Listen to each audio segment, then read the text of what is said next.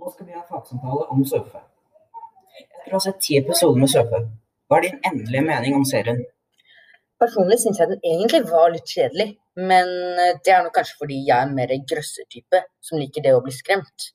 Men eh, jeg likte jo faktisk serien lite grann på noen partier. F.eks. For eksempel da vi fikk eh, vite litt mer om samekulturen.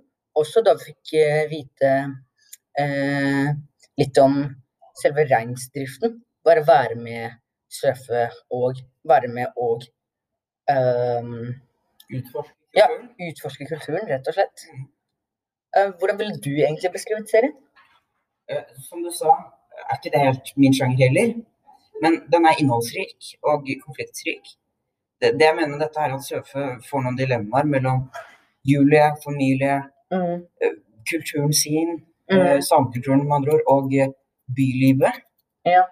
Eh, Men, men jeg er jo personlig en eh, type som liker eh, action. Da. ja, litt sånn som James Bond. Ja, Ja. Sånn pang-pang, Ja, skyting, skyting. Ja.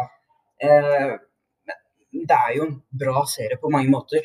Det er som du sier, vi får lære mer om samekulturen og så, Ja, og så videre. Men, men nå som vi snakker om selve serien, hvordan vil du egentlig beskrive Søfe som person? Ja, Øh, jeg syns egentlig ikke at hun levde seg, seg nok inn i rollen. Hun var ikke akkurat den beste til å øh, til å uttrykke seg selv. Og øh, hun gjorde på en måte alt med en sånn øh, med en tone som ikke var veldig positiv, og heller ikke veldig negativ heller. Det var som bare helt Det var litt dødt. Ja, det var veldig dødt, akkurat det. Fordi den ene scenen var da hun skulle til eh, Eller da hun skulle si hei til eh, Julie og beklage eh, over eh, at hun ikke kunne bli med i bursdag. At hun ikke hadde svart på meldingene og sånn. Og eh, da Julie avviste henne, så sa jo um, Søfe egentlig ingenting, nesten. Bare sa farvel, og så bare stakk hun bare av. Ja, det, var blikk, og så bare gikk hun. Ja, så bare stakk hun av. Ja. Og jeg føler ikke eh, akkurat at det er helt det man akkurat gjør, hvis du skjønner. det. Ja, det, det er ikke helt passende Nei. til situasjonene. Mm -mm. Men eh, du vet jo at surfe eh, For å bli personen surfe må en jo ha et miljø. Ja. Men så hvordan ville du egentlig beskrive miljøet? Surfere har jo eh, egentlig mange støttende mennesker rundt, eh, rundt seg. Og eh, Eh, spesielt faren, syns jeg. Som, Mhm. Han, han er ikke same engang, men han er fortsatt veldig støttende når det gjelder reindriften, samekulturen. Og så virker det som han forstår disse dilemmaene hun får mellom mm. eh, Trondheim og eh, Røros. da. Sam- Selv om han ikke er en del av det, liksom. Ja. Uh, og uh, det, når jeg tenker på Trondheim, det er jo en nymoderne by. Ja. Uh, og der lever hun. Der, hun, er, hun er jo, som hun sier i serien, hun er en byjente. Mm. Hun er jo det sammen med Julie. Mm. Og så er det reindriften, altså med bestemoren, bestefaren på fjellet nær eh, Røros. Mm. Det, det er stor forskjell på de byene. Det er jo to forskjellige miljøer. Ja, jeg føler jo liksom det at Trondheim det er den moderne byen med de, det kjøpesenteret, eller kanskje de har til og med flere kjøpesentre, Ja. i forhold til Røros som eh, har eh, bare sånne enkle butikker. Ja, Liksom, ja, gater, pene gater.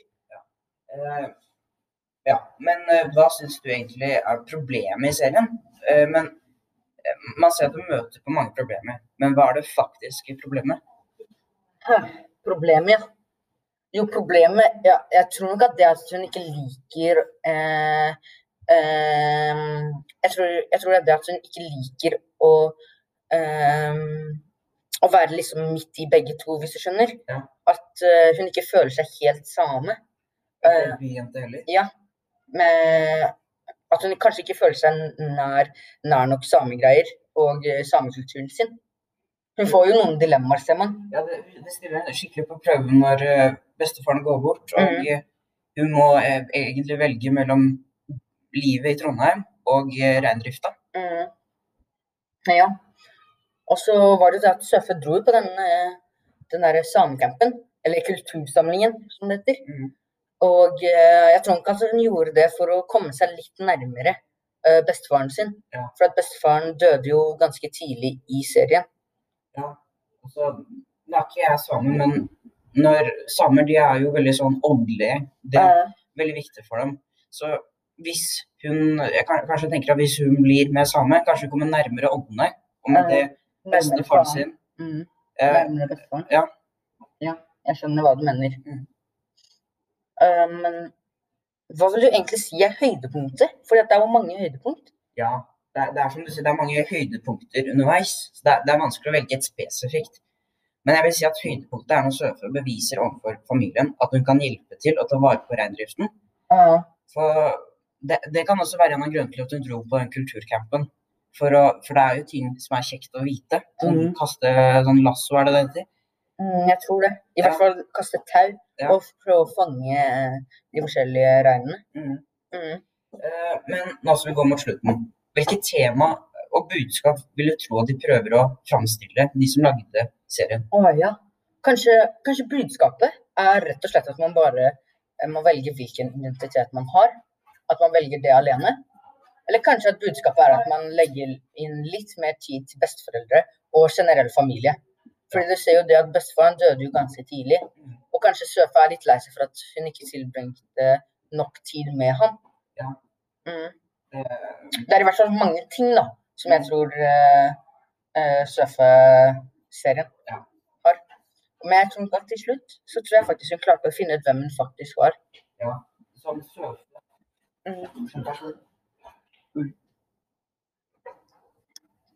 Temaet derimot er jo, handler jo om forskjellen eh, på to kulturer, hvis du skjønner da. Mm. Mm. Ja, da er vi ferdig.